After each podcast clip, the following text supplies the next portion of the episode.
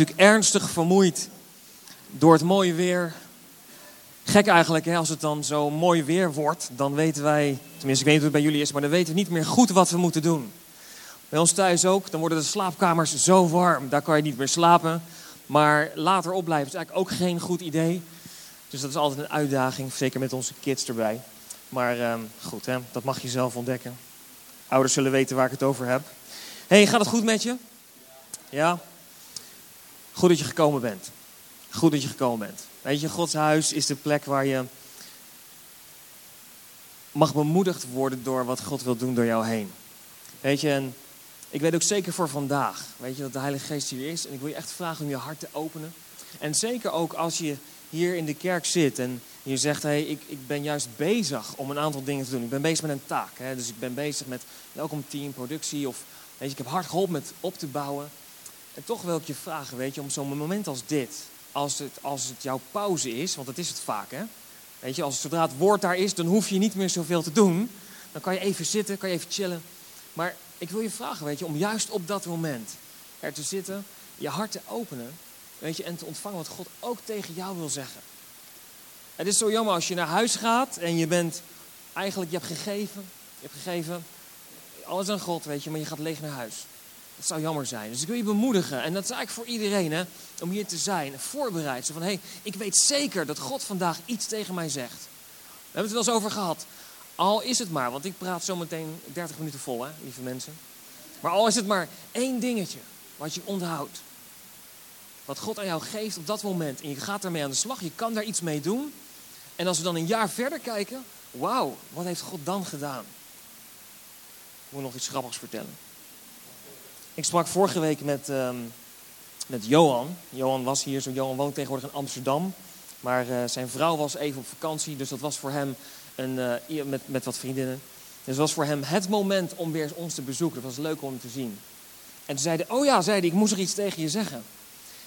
De ouders van zijn vrouw, die komen uit het buitenland. En um, die, die waren dus in de trouwdienst. En ik mocht de trouwdienst voorgaan. En ik had daar een, een kort woord gebracht. Maar ik praat een beetje zoals ik praat en zoals je mij ook wel kent. Dus ik gebruik regelmatig ook het woord wauw. Weet je wel? Nou, je raadt het natuurlijk al. Ik kreeg een soort bijnaam in die familie en dat was Pastor Wow. Ja. nou goed, ik hoop in ieder geval niet dat het jou afleidt. Maar goed, laten we. Hè. hey, um, nog even iets bijzonders. Volgende week zondag hebben we een gastspreker. Dan is Adrie Blonk bij ons. Hij is de voorganger van City Life uh, Den Helder. Ik was daar een aantal weken geleden, ruim een maand geleden. En ik mocht daar zo toen iets delen ook over Rooted, over de serie waar jij doorheen gegaan zijn. En uh, volgende week is hij bij ons. Een mooie uitwisseling. Maar Adrie is echt uh, voor ons wel, voor Wendy en voor mij, het is, het is echt een fantastisch stel die al jaren een kerk bouwen in het, in het hoge noorden, in Den Helder. En zij waren de eerste City Life Church naast Den Haag. Ze waren de eerste die zich aansloten bij City Life Church. Dus zij hebben echt iets te vertellen. En ik nodig je echt uit om erbij te zijn. En uh, ja, nodig ook anderen uit. Het wordt gewoon een fantastische zondag. Hey, vandaag is het moment om Ik ben de kerk, onze serie waar we de afgelopen weken naar gekeken hebben, om die te gaan afsluiten. Ah, jammer. Maar er komen nog heel veel mooie andere dingen aan. Maar vandaag wil ik met je kijken naar het tweede deel van Home is where the heart is. Vorige week hebben we daar iets over mogen delen tijdens Hart voor het Huis.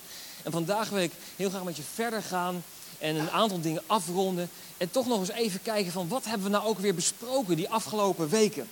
En dan beginnen we met onze basistekst die in 1 Korinther 12 staat, waar heel duidelijk staat, ons lichaam bestaat uit vele delen, maar al die delen samen vormen één lichaam. En zo is het ook met Christus, zo is het ook met Jezus. Want de geest heeft ons allemaal tot één lichaam samengevoegd, het lichaam van Christus. Wij zijn het lichaam van Jezus. U bent het lichaam van Christus en ieder van u is een deel van het lichaam. En dan staat er in het Engels heel mooi: You are Christ's body. Oké, die hebben we te pakken. That's who you are. You must never forget this. Ook heel belangrijk, lieve mensen. Vergeet nooit, waar je ook bent, dat jij onderdeel bent van het lichaam van Jezus.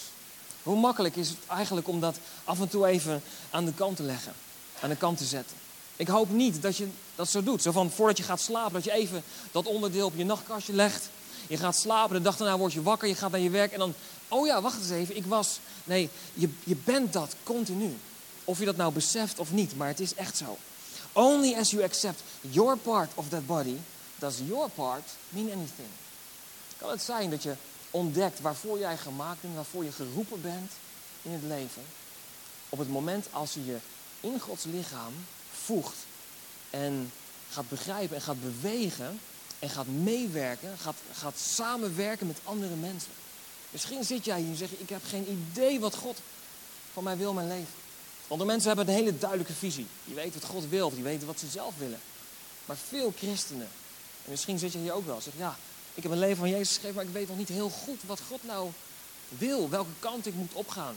Wat uiteindelijk mijn bestemming is in het leven. De Bijbel heeft een antwoord voor je en hij staat hier. Als je jouw deel accepteert, wie jij bent, jouw onderdeel in het lichaam, of that body does your part anything, dan pas betekent het ook echt iets. Dan pas begin je te ontdekken de nut van het leven, de nut van jouw bestaan. er zijn nog wat meer teksten dat er staat. Jullie horen nu bij het volk van God, bij het gezin van God in Efeze 2, vers 19. Petrus roept ons op om je als levende bouwstenen te laten gebruiken. In het bouwwerk wat God bouwt. En in Romeinen 12, vers 5, wij zijn met elkaar één lichaam en we zijn allemaal verschillende lichaamsdelen van dat ene lichaam. Weet je, we hebben geleerd met elkaar en, bewust naar gekeken dat we niet zonder elkaar kunnen. Zeg ik dat goed?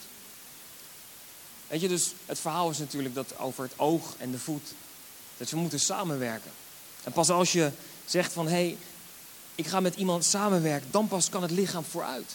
Stel je voor dat de voet zegt, ik heb het oog helemaal niet nodig. Niet belangrijk. Hoe gaat dan de voet bewegen? En hoe weet het voet, de voet, hoe weet hij dat hij de juiste kant op gaat? Maar anders gezegd, het oog. Stel je voor dat jouw oog zegt, ik heb het, de voet niet nodig. Nou, je snapt hem al, het oog blijft op de plek waar hij is. Het oog heeft de voet nodig om vooruit te komen. En zo is het ook in het lichaam van Jezus. Zo is het ook in de kerk. Wij hebben elkaar nodig. En ik weet zeker dat God jouw plaats in een huis om daar deel van te zijn en om een zegen te kunnen zijn voor iemand anders. We hebben geleerd dat God heeft ons een taak gegeven. De Bijbel leert ons heel duidelijk, je bent gered en geroepen. Het is niet dat je alleen gered bent. Stel je voor dat je alleen gered zou zijn. En dat het dan oké is. Stel je voor dat het dan zo oké is dat je direct nadat je gered bent, je hebt je hand opgestoken. Ik weet Jezus is de weg. Dat je dan is het klaar, poef, je wordt opgenomen, je bent bij God voor altijd. Stel je voor dat het dat zou zijn. Hoe gaan we dan de wereld hier buiten vertellen? Hoe gaan we dan de mensen in onze omgeving vertellen dat er een God is, dat er Jezus is, die voor ons is gekomen en die je kan verzoenen, die ervoor heeft gezorgd dat we weer contact kunnen hebben met God? Ik geloof dat we allemaal, niemand uitgezonderd, dat je gered bent als eerste, ontzettend belangrijk. Dat je daarnaast ook geroepen bent voor een heilige taak, zoals het in de Bijbel staat. Een heilige taak betekent apart gezet. Dat is niet dat je een heilige boontje bent in die context. Maar het gaat erover dat God een bijzondere taak voor je heeft. En ik geloof dat we er allemaal, niemand uitgezonderd, voor geroepen zijn. Kan het zijn dat als je zegt, nou, ik vind het allemaal wel leuk, maar weet je, ik doe toch een beetje mijn, mijn eigen liever niet. Weet je, die mensen allemaal, weet je, liever niet. Ik ben aangesloten bij de Gods universele kerk. Kan het zijn dat het lichaam van Jezus dan gebrek lijdt? Zou het kunnen zijn dat als jij niet de plek inneemt die God aan jou wil geven, dat het lichaam van Jezus gebrek lijdt? Omdat jij uniek gemaakt bent. Is God heeft iets bijzonders aan jou gegeven. En God wil heel graag door jou persoonlijk heen werken om een zegen te zijn voor andere mensen. En kan het zijn dat als jij dat nalaat, dat het lichaam gebrek lijdt? En ik wil je niet een schuldgevoel aanpraten, maar ik wil je bemoedigen om te ontdekken wat God voor jou wil doen. Weet je, misschien ervaar je ja, maar dat is, eh, weet je, het is zo zwaar, het is zo moeilijk. Nou, lieve mensen, ik heb pas één ding geleerd. Dat God is degene die de strijd voert. Wij zijn, als, op het moment als wij geestelijke strijd ervaren, misschien ervaar je dat wel eens, dan is dat vaak van binnen. Dan is het vaak dat we hier misschien nog wat issues moeten um, ja, opruimen. Dat we daar nog wat, wat aan mee aan de slag moeten. Daar ga ik zo meteen nog iets over delen. Maar als het gaat over een stap nemen en land innemen, lieve mensen, al het land is van God. En God is degene die zoekt naar mensen aan wie hij iets kan toevertrouwen. Dus het is niet zo Dat je iets krijgt en dat je, weet je, dat God zegt, nou, zoek het maar uit, weet je. Ga maar strijden of zo. En ehm, als ik zin heb, weet je, dan kom ik je wel een keer helpen. Nee, alles is al van God. En hij zoekt mensen aan wie hij het kan toevertrouwen om het in bezit te nemen. En om daar te zijn. En dat betekent dat je niet zelf die strijd hoeft te gaan, maar dat je God kan laten strijden voor jou. En dat maakt het een heel stuk makkelijker. Ik hoop dat dit je bemoedigt. Weet je, als je dan in een kerk komt, en misschien heb je wel eens meegemaakt, dan zeg je nou, misschien heb je wel eens wat moeilijke dingen meegemaakt. Dat je zegt van nou, liever, weet je, hoe, heeft dit zo kunnen gebeuren? Maar vaak komen in een kerk en kijken om ons heen en zeggen we, ik zoek een plek waar ik kan groeien. Eigenlijk moet de kerk perfect zijn. Ze mogen geen fouten maken, want dat, uh. Maar het moet een plek zijn waar ik mezelf kan ontwikkelen, waar ik kan groeien. En bij groeien hoort vallen en opstaan. Daar hoort bij fouten maken. Maar weet je, tegelijk, als we dat graag zouden willen, en je komt in een kerk, betekent dus dat de kerk bestaat uit allemaal mensen die vallen en opstaan. Allemaal mensen die uitdagingen hebben en die door uitdagingen heen gaan en daar keuzes in maken. Weet je, we hebben met elkaar gehad dat een sleutel is om in Gods kerk te zijn, om je daar te planten. Er staat in de Bijbel dat als je dat doet, dat je zal groeien, dat je zult bloeien en dat je zelfs tot een lengte van dagen zal je vrucht dragen. Zelfs als ze oud zijn, zullen ze nog vrucht dragen. Ontzettend mooie tekst. En weet je, je laat toch niet, dat wil ik als uitdaging bij je neerleggen, je laat toch niet, als er een dingetje gebeurd is met een lieve broeder, hè, nou maar gelijk zo'n term gebruiken, of een lieve zuster, die misschien wat minder aardig was, of als een keer, weet je, gewoon niet helemaal ging zoals je had verwacht. Je laat toch niet zoiets bepalen, de toekomst die God voor jou heeft. Je laat je toch niet op het moment als jij je, laat, je gaat wortelen. En als je zegt, ja Jezus, ik wil me wortelen in u. Ik ben aan het groeien, ik ben uw huis, ik wil ontvangen wat u voor mij wil doen. En als er dan iemand is die wat ruw is, of weet je, wat de verkeerde woorden gebruikt, of als er een issue is in je team of in een connectgroep, je laat dat toch niet bepalen. Dat je daardoor ontworteld raakt en dan maar zegt, nou ja, dan maar niet, dit is voor mij niet. En dan, weet je, laat dat niet gebeuren. Ik hoop dat ook dit je bemoedigt. hey, ik wil nog een paar kleine andere teksten met je delen over de kerk over wat de Bijbel nou omschrijft over Gods huis. We beginnen in Psalm 92 en ik heb hem net eigenlijk al genoemd. Als eenmaal, want nu kan je noteren, jullie maken natuurlijk allemaal aantekeningen toch? Ja, ik zie ook allemaal pen, ik hoor ook. Nee, geintje. Hey, maar Psalm 92, vers 14, 15, daar staat hij. Als ze eenmaal geplant zijn in het huis van de Heer, groeien ze dicht bij hem op.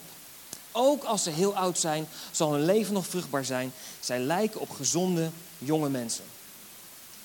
En dan gaat het dus niet over het huis van de Heer, fysiek gebouw, dit.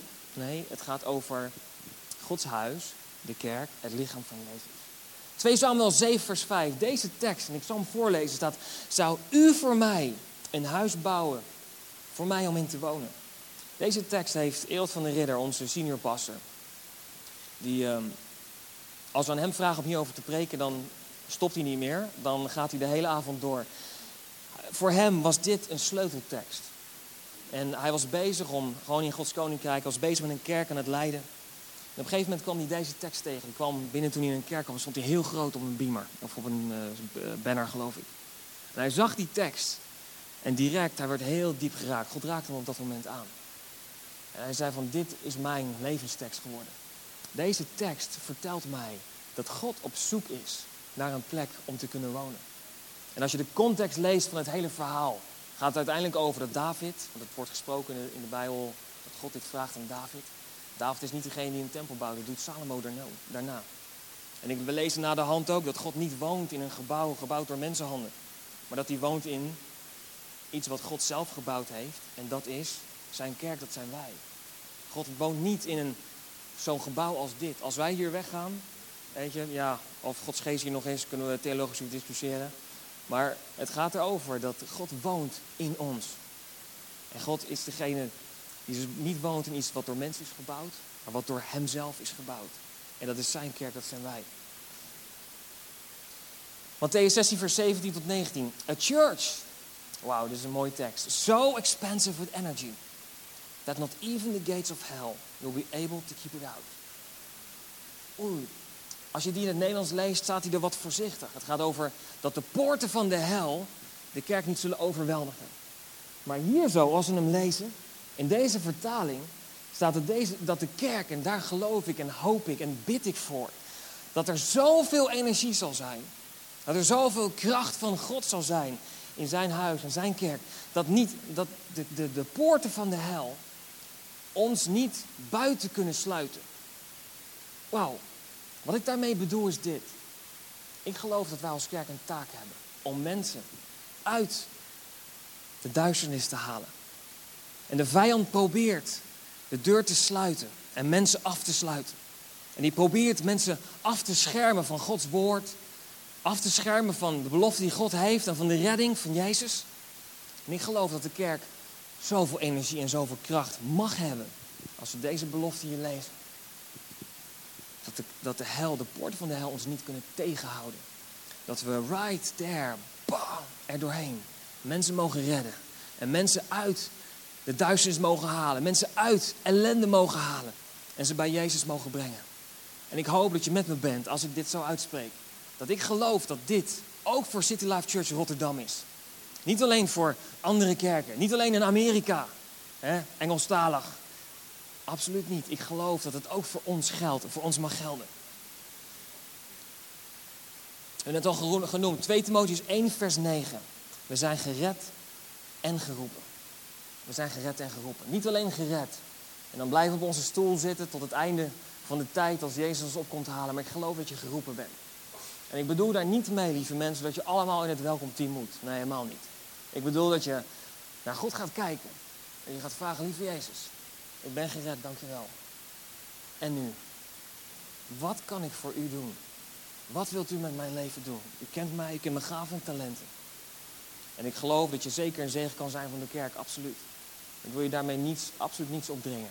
Het gaat erom dat je gaat leven voor Jezus, helemaal. Maar stel je voor, onze kerk, als we een soort droomplaatje schetsen. Dat we allemaal, iedereen, niemand uitgezonderd, dat we allemaal zouden liefhebben. Dat we allemaal zouden dienen. En dat we allemaal zouden bijdragen. Wat zou er dan gebeuren? En ik heb het er niet over wat ik net al zei, dat we allemaal het welkomteam moeten. Het gaat er niet over dat we allemaal hetzelfde offer moeten brengen. Financieel, wauw, vorige week. Echt, ik ben zo dankbaar voor jullie allemaal. Maar het gaat bij zo'n offer niet om dat iedereen hetzelfde geeft, maar je kan wel spreken over een gelijk offer. Want voor één iemand is 1000 euro niks. En voor iemand anders is 10 euro heel veel. Maar als we allemaal gelijk offeren, als we allemaal gelijk brengen in onze tijd, in ons talent en in, in de gaven, in, weet je, in onze treasure zeggen we vaker, hè? In, ons, in onze financiën. Als we dat allemaal zouden doen, wat zou er gebeuren? Vorige week, ik was zo onder de indruk van de verwachting die in de dienst was. Je merkte, mensen kwamen hier binnen niet, ja, niet voor onszelf. We wisten, er zou een offer gaan plaatsvinden. We zouden iets extra's geven aan God. En dat was duidelijk merkbaar. Maar stel je voor dat we dat elke week zouden hebben. Niet elke week een hart voor het huis offer, lieve mensen. Nee. Maar elke week met die verwachting. En met die, weet je, die houding en dat open hart. Waarin we zeggen, Heer, ik wil iets voor u doen. Ik wil iets van u ontvangen tegelijk. Ik wil het doorgeven. Als dat ontstaat, als die sfeer hier ontstaat. En, die, en ik ben zo blij met alles wat we al zien gebeuren. Maar ik geloof dat we nog zoveel stappen mogen zetten. En ik wil je uitnodigen om daar deel van te zijn. Absoluut. Hey, Efeze 2, vers 20 tot 22. Even in het Engels. Daar staat hij zo fantastisch mooi. God is building a home. Daarom zeggen we aan het begin van de dienst ook welcome home. Het gaat niet om het gebouw, maar het gaat om ons, wij allemaal, met elkaar. Wij zijn het huis van God. He is using us all. Niet alleen mij als ik hier spreek, maar hij gebruikt jou, iedereen. Gewoon op de plek waar je bent. In respect of how we got here. Het maakt niet uit waar je vandaan komt, hoe je achtergrond ook was. Ik weet zeker, God wil ook door jou persoonlijk heen iets doen. He's using us all in what he's building. And he's used the apostles and the prophets for the foundation. And now he's using you. Fitting you, brick by brick, stone by stone, with Christ Jesus as the cornerstone that holds all the parts together. Zo belangrijk om Jezus centraal te hebben, lieve mensen. Ook in je team, in je connectgroep, waar je ook bent. Zorg dat Jezus centraal staat. Altijd dat het over hem gaat. En dan uiteindelijk altijd dat hij de bron is. En dat het ook is waar we eindigen. Want hij is degene die alles bij elkaar houdt. Hij is degene die het mogelijk heeft gemaakt. We see it taking shape day after day. Zie je wat God doet? Ben je er alert voor? Ben je aan het kijken wat God op dit moment aan het bewegen is in de kerk, in de wereld, maar ook persoonlijk in jouw leven? Zo belangrijk om er alert op te zijn. Er was een tijd geleden was iemand die zei tegen ons, zei, nou man, weet je, volgens mij moeten jullie echt bewuster bezig zijn met waar ben je dankbaar voor? Wat zie je God doen, weet je, door jullie leven heen? Want voor je het weet raak je bezet door het moment van de dag, door de waan van de dag. Ben je druk bezig met alles wat nog moet gebeuren en misschien de zorgen van de dag. En dan is het goed om te weten waar je vandaan komt. De reis die je al hebt mogen afleggen, waar God al bij is geweest en naast je staat. En dan het laatste. We see it taking shape day after day. A holy temple built by God. God bouwt zijn huis. All of us built into it. Wij allemaal zijn er deel van. A temple in which God is quiet at home. Waar God zich thuis voelt. Ik geloof daarvoor en ik hoop daar ontzettend op. En ik hoop dat je daar ook naar uitstrekt. We hebben vorige week wat over de Heilige Geest mogen delen. En um, we hebben gekeken naar het verhaal nummer 9. Mag je zelf nog eens nalezen. Maar waar het gaat over Israël die in de woestijn is met het tabernakel. En dat het tabernakel was in die tijd de, de tempel of het huis van God. De plek waar God woonde en, eh, of aanwezig was. En je, wat, wat we zagen was een wolk over de tabernakel heen. En dat stond ook, was de, uh, de representatie van Gods aanwezigheid. God was daar zo. Daar met elkaar naar gekeken. En eigenlijk, toen ik daar zo mee bezig was, ook naar deze week toe, toen viel me op, weet je, dat hoe geweldig God eigenlijk ook is. Weet je, hoe geniaal. Want je moet je voorstellen, als God had besloten om nog steeds in een tempel te wonen, in een fysieke plaats. En dan hebben we het over het heilige en dan het heilige der heiligen. Met een groot gordijn ervoor, waar de ark staat. Waarvan tussen de, in de, de ark, hè, daar stonden twee engelen. Die stonden op de ark. Jullie weten wat de ark is? Ik hoop het, hè? Daartussen vandaan kon God spreken, dat gebeurde ook. En stel je voor dat God had besloten om daar nog steeds te wonen. Hoe hadden al deze mensen, want volgens mij gaan we spreken over 2 miljard christenen, hebben we het tegenwoordig over. Hoe zouden die in aanraking kunnen komen met God? Hoe zouden die bij hem in zijn huis kunnen zijn? Ik bedoel, ik weet of je daar eens over nagedacht, maar dat past natuurlijk niet.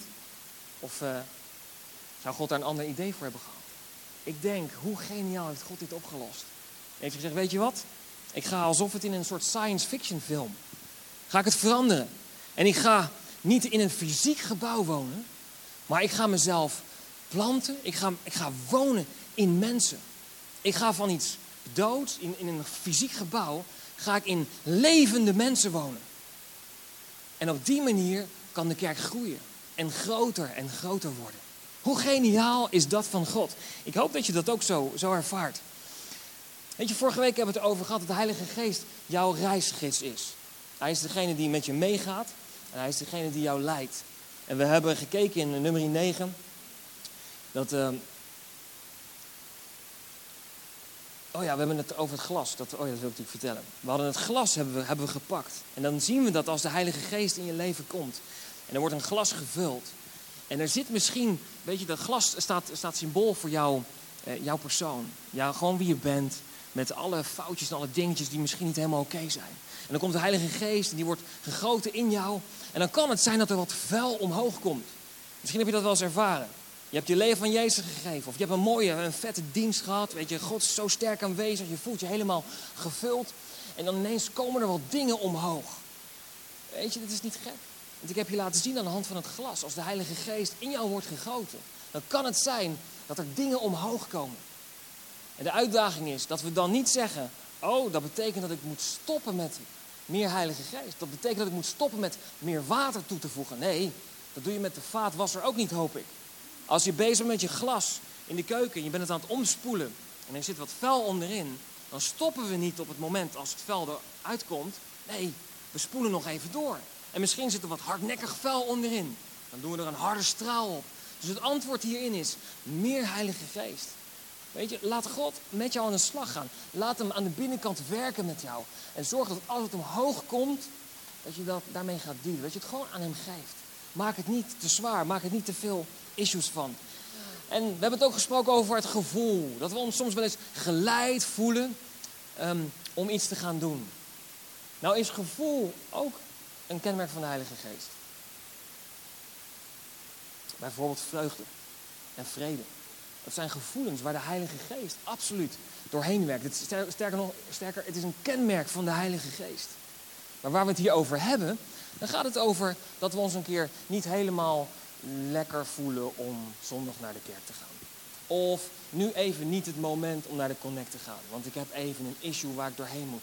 Weet je, laat je niet leiden door je gevoel. Wat je misschien probeert af te houden van de dingen van God. Maar zorg dat je je laat leiden door je prioriteiten. En de prioriteit kun je gewoon stellen. Ik wil leven voor Jezus. En ik ga alles doen, weet je, om dichter bij hem te komen. Om te ontvangen wat hij wil doen voor mij. En als er dan zo'n gevoeltje bij je opkomt. Nou, vanavond even niet hoor. Ik had een drukke week gehad. Veel uur gewerkt, 50 uur gewerkt. Laten we nu maar even uitslapen. Lieve mensen, het kan zijn dat je mist, ook voor vandaag. Stel je voor dat je vandaag hier niet was geweest. Dan kan het zijn dat je mist wat God vandaag tegen jou wil spreken. Spreekt God dan nooit meer tegen je? Absoluut wel. Maar ik geloof dat God zoveel meer stappen met ons wil zetten. Misschien kijk je wel eens terug voor jezelf.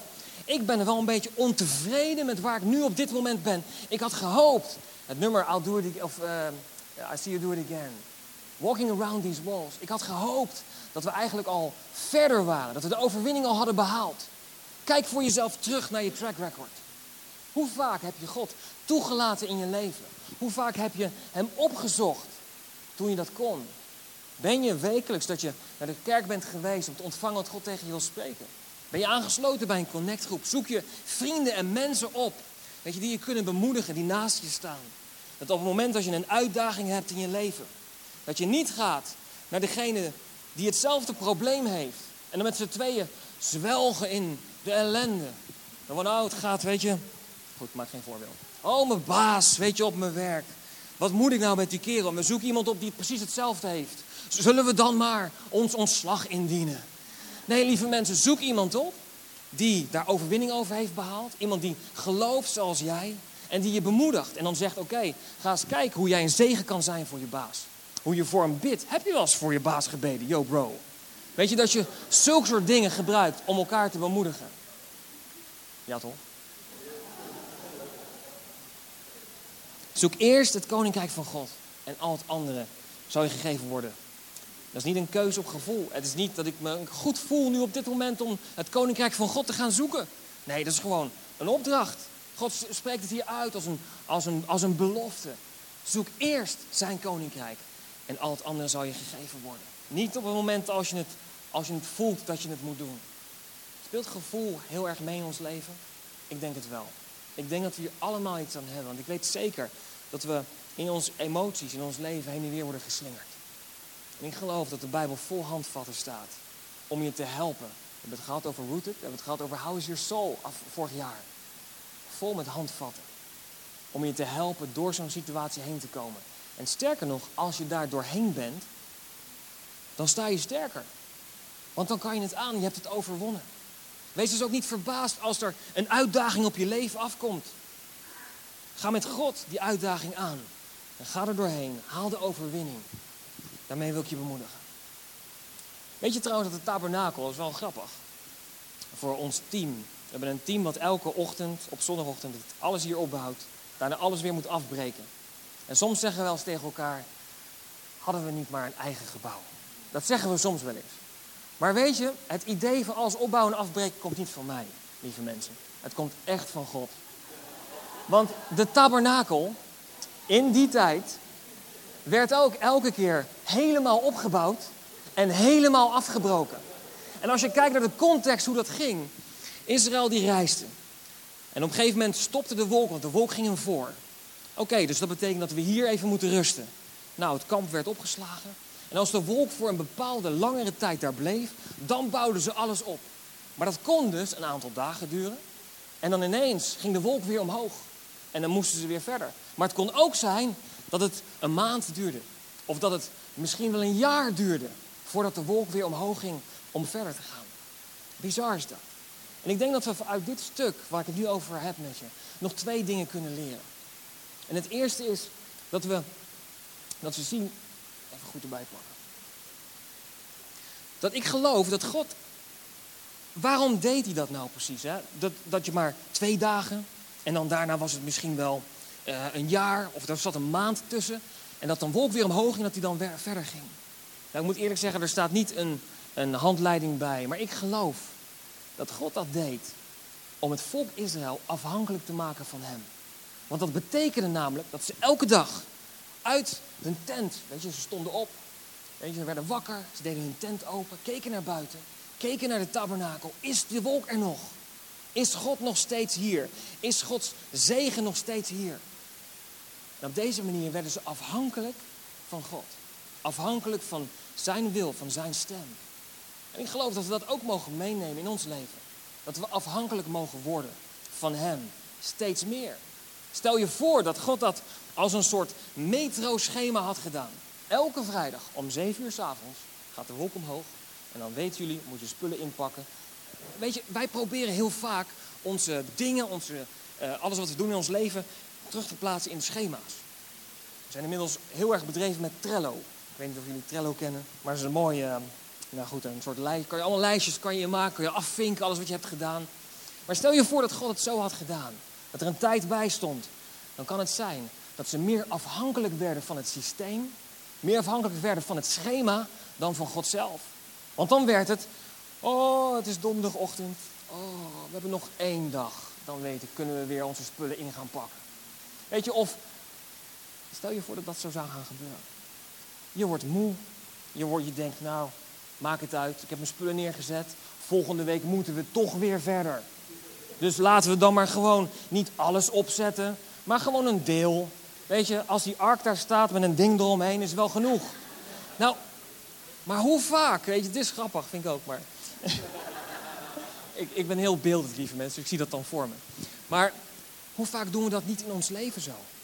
Dat wij ons geestelijk leven met God, waar God zoveel wil doen, dat we daar wat gemakkelijker mee worden. Dat we ingaan op een soort schema, op een soort routine.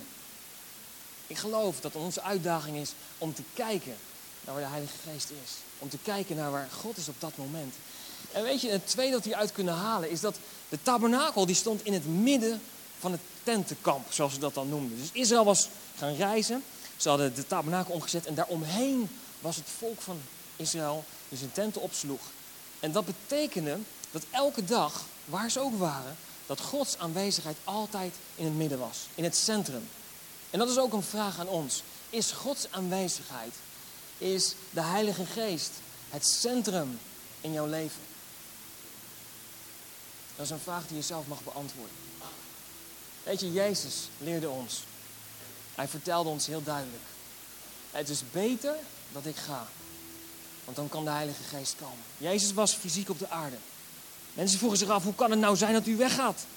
U bent, u bent opgestaan uit de dood, u bent zo goed, we hebben u nodig. Toen zei Jezus, nee, je hebt mij wel nodig, maar Jezus zei, nee, het is beter als ik ga. Want dan kan de Heilige Geest komen, de trooster. En die kan in jou gaan wonen. En hij is degene die je helpt, die bij je staat, die naast je staat. We hebben die tekst vorige week gelezen. Maar Johannes 16, vers 7, als we in de context gaan kijken, dat het woord uh, de helper niet alleen helper betekent, maar dat het ook betekent vriend, trooster, advocaat, voorbidder, raadgever, versterker, nieuwe kracht en steun. En weet je, ik geloof voor vandaag dat als je hier bent, misschien was je hier niet vorige week, weet je dat vandaag een dag mag zijn. Dat elke keer als je in de kerk bent, dat het een dag mag zijn waarin je opnieuw die connectie met God mag verlangen en daar mag vragen. En we hebben een prachtig nummer gezongen, Do It Again. Do It Again. En ik geloof dat veel van ons al eens iets ontvangen hebben van God. En dat je zegt, wauw, dank u Jezus voor wat u heeft gedaan in mijn leven. Dat we een aantal stappen zijn gaan zetten. Maar dat we terugkijken en dat we zeggen, ik zou willen dat ik zoveel verder was. Of dat er juist een muur is waar je tegenaan loopt. Waarvan je iets hebt van, hé, hey, ik zou je doorheen willen. Ik geloof dat de Heilige Geest degene is die jou zal helpen om hier doorheen te gaan. Sterker nog, ik zei het vanmorgen tegen Wen. Ik denk dat we het wat vaker over de Heilige Geest moeten hebben. Weet je, we danken Jezus voor wat hij gedaan heeft. Maar lieve mensen, Jezus in ons, dat is de Heilige Geest. Jezus woont in ons, maar dat is de Heilige Geest. God is drie, is één. Vader, Zoon, Heilige Geest. En Jezus zei niet voor niets, ik ga naar boven zodat de Heilige Geest kan komen. En de Heilige Geest is Jezus in jou. En ik geloof dat Hij degene is die bij jou is op dit moment. Heb jij nieuwe kracht nodig? Heb je nieuwe energie nodig? Heb je meer van Jezus nodig in jouw leven? Ga connecten met de Heilige Geest. Ga kijken hoe de Heilige Geest jou wil bewegen om een nieuwe stap te gaan zetten. Om af te rekenen met dingen uit het verleden. Om het los te laten. Om de genade en de vergeving van Jezus te ontvangen. De Heilige Geest is degene die jou overtuigt. Wij hoeven andere mensen niet te overtuigen. Wij hoeven mensen niet te overtuigen dat ze Jezus moeten volgen. Wij hoeven alleen maar te vertellen van wat God heeft gedaan in ons leven. Maar dan moeten wij zelf wel aan de slag met God in ons leven. Hoe mooi is het als je elke week een getuigenis kan hebben van wat God door jou persoonlijk heen heeft gedaan. En dat kan zijn een issue met jezelf, of God door jou heen naar iemand anders toe. Ik geloof echt, lieve mensen, dat voor veel van ons een sleutel is om meer tijd intiem te zijn met de Heilige Geest. Meer tijd met Hem door te brengen. En bewuster te zijn van dat de Heilige Geest in jou leeft. En hoe klinkt dat nou dan? Betekent dat ik dan altijd op de grond lig en een wolk, hè, de wolk uit de Bijbel, dat ik dan, weet je, dat het zweeft, dat ik misschien rare dingen ga zeggen of zo. Nee, lieve mensen, ik geloof dat de Heilige Geest zo veelzijdig is. Maar dat de Heilige Geest zoveel door jou heen persoonlijk wil doen. Ik had gisteren voor mezelf, ik luisterde naar een preek. En God had, had iets persoonlijks tegen mij, of tenminste een woord. Ik las iets. Ik dacht, wauw, hier moet ik iets mee doen. Dit is wat de Heilige Geest tegen mij persoonlijk zegt. En ik was buiten aan het wandelen in voorbereiding op dit. En ik had het idee dat God iets persoonlijks tegen mij zei. Maar zo is het ook dat er mensen om ons heen zijn waar God doorheen wil spreken naar jou. Het kan dus zijn dat de Heilige Geest spreekt door iemand anders naar jou persoonlijk. Maak het niet te zweverig, maar maak het ook niet te praktisch. Probeer het niet in een systeem of in een schema te plaatsen. Maar wees gevoelig en luister naar wat Gods Geest wil doen door jou heen. Zullen we gaan staan? Sluiten we het woord af en dan wil ik het team vragen om nog kort één nummer met ons te zingen. Waarin we ons volledig op Jezus kunnen richten. En dan misschien is dit jouw moment om het opnieuw goed te maken met God. Opnieuw tijd aan Hem te geven en te zeggen: Heer, ik wil opnieuw een keuze voor u maken. Op dit moment, lieve Jezus, dank u voor vandaag. En dank u voor uw woord. Dank u voor uw Heilige Geest. Op dit moment bid ik, Heer, dat u door de zaal gaat.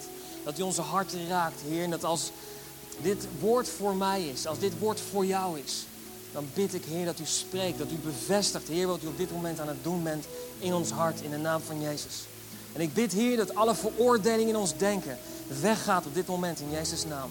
En Heilige Geest, ik bid dat u met een deken van genade over ons heen zal vallen op dit moment. En een deken van liefde. Heer, dat we mogen weten dat we veilig bij u zijn.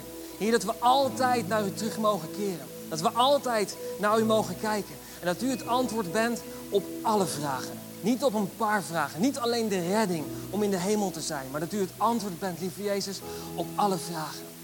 En ook uw Heilige Geest. Dat u Jezus bent in ons. In Jezus' naam. Amen. Kom aan kerk, zullen we met elkaar nog één moment God aanbidden. En hem toelaten maximaal in ons hart. Yes, come on.